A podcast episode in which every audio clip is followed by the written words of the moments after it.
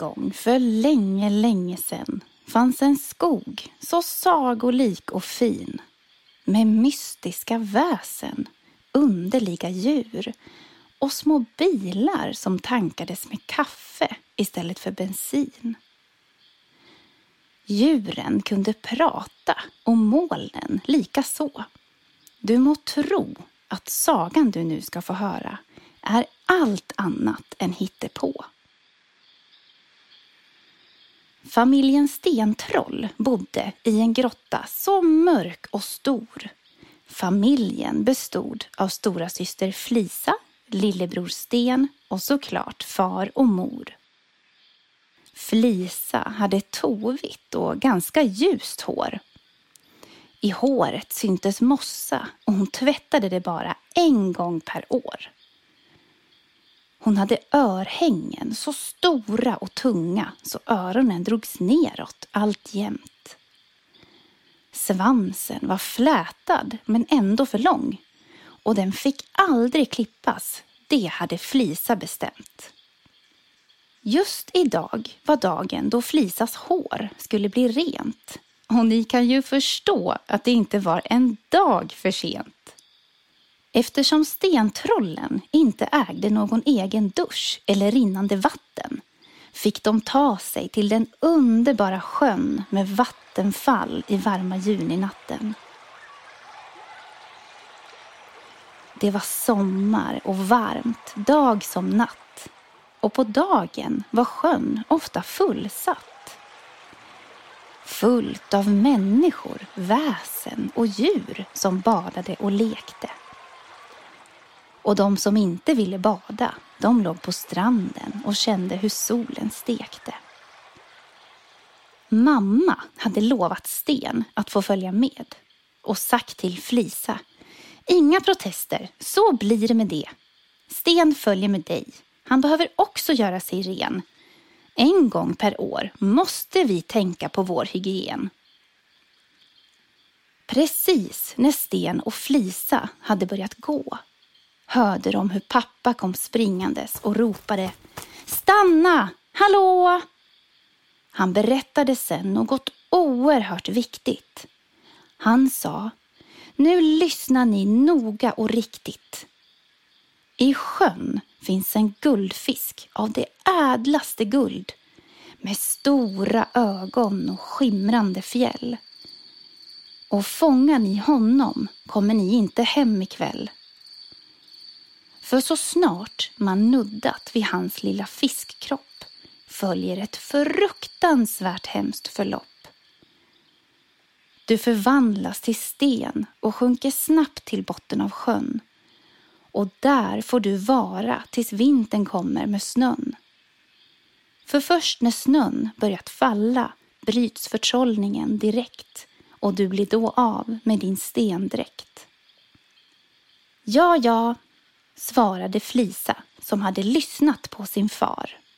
Hon var stor nog att förstå att han menade allvar.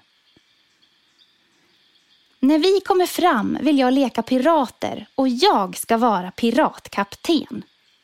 Sten tittade på Flisa och hon nickade glatt åt den idén. Sen tog hon sin bror i handen och började gå. Barnen vände sig mot sin pappa och ropade Hej då! Vägen till sjön var rätt så slingrig och lång.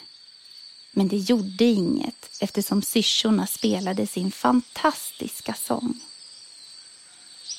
Snart var de framme och båda bytte om. Sten var snabbast. Han hade alltid så bråttom. Sjön lystes upp av ett fantastiskt månsken. Sten var snabb i och ropade Titta på den här piraten som bara har ett ben. Han roade sig i vattnet och skrattade gott. Ställde sig i vattenfallet och tittade på vattnet som var midnattsblått. Han ropade till Flisa. Har du sett vilket härligt vatten?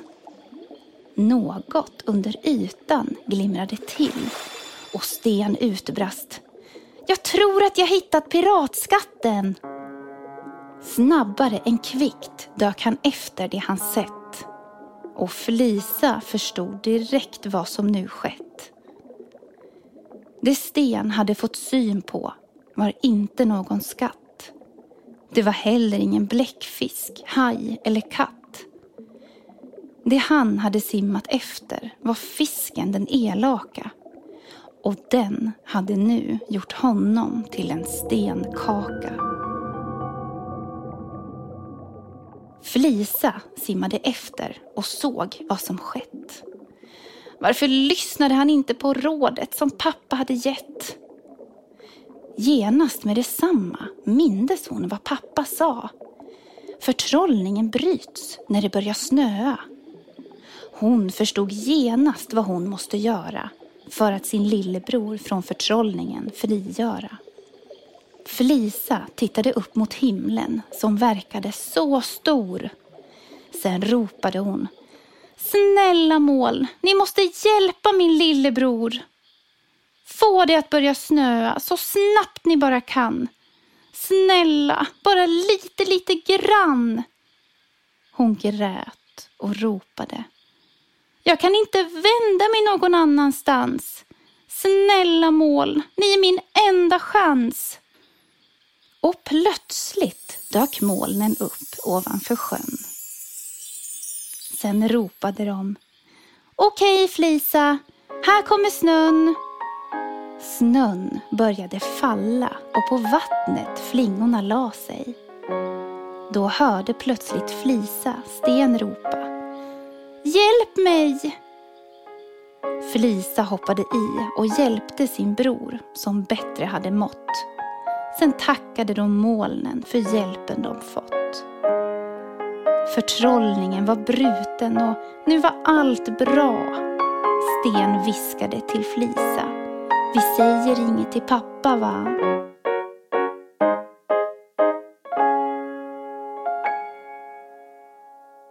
Ni har lyssnat på Sagoskogen. Skriven och producerad av Johanna Blomgren och Henrik Nordgren.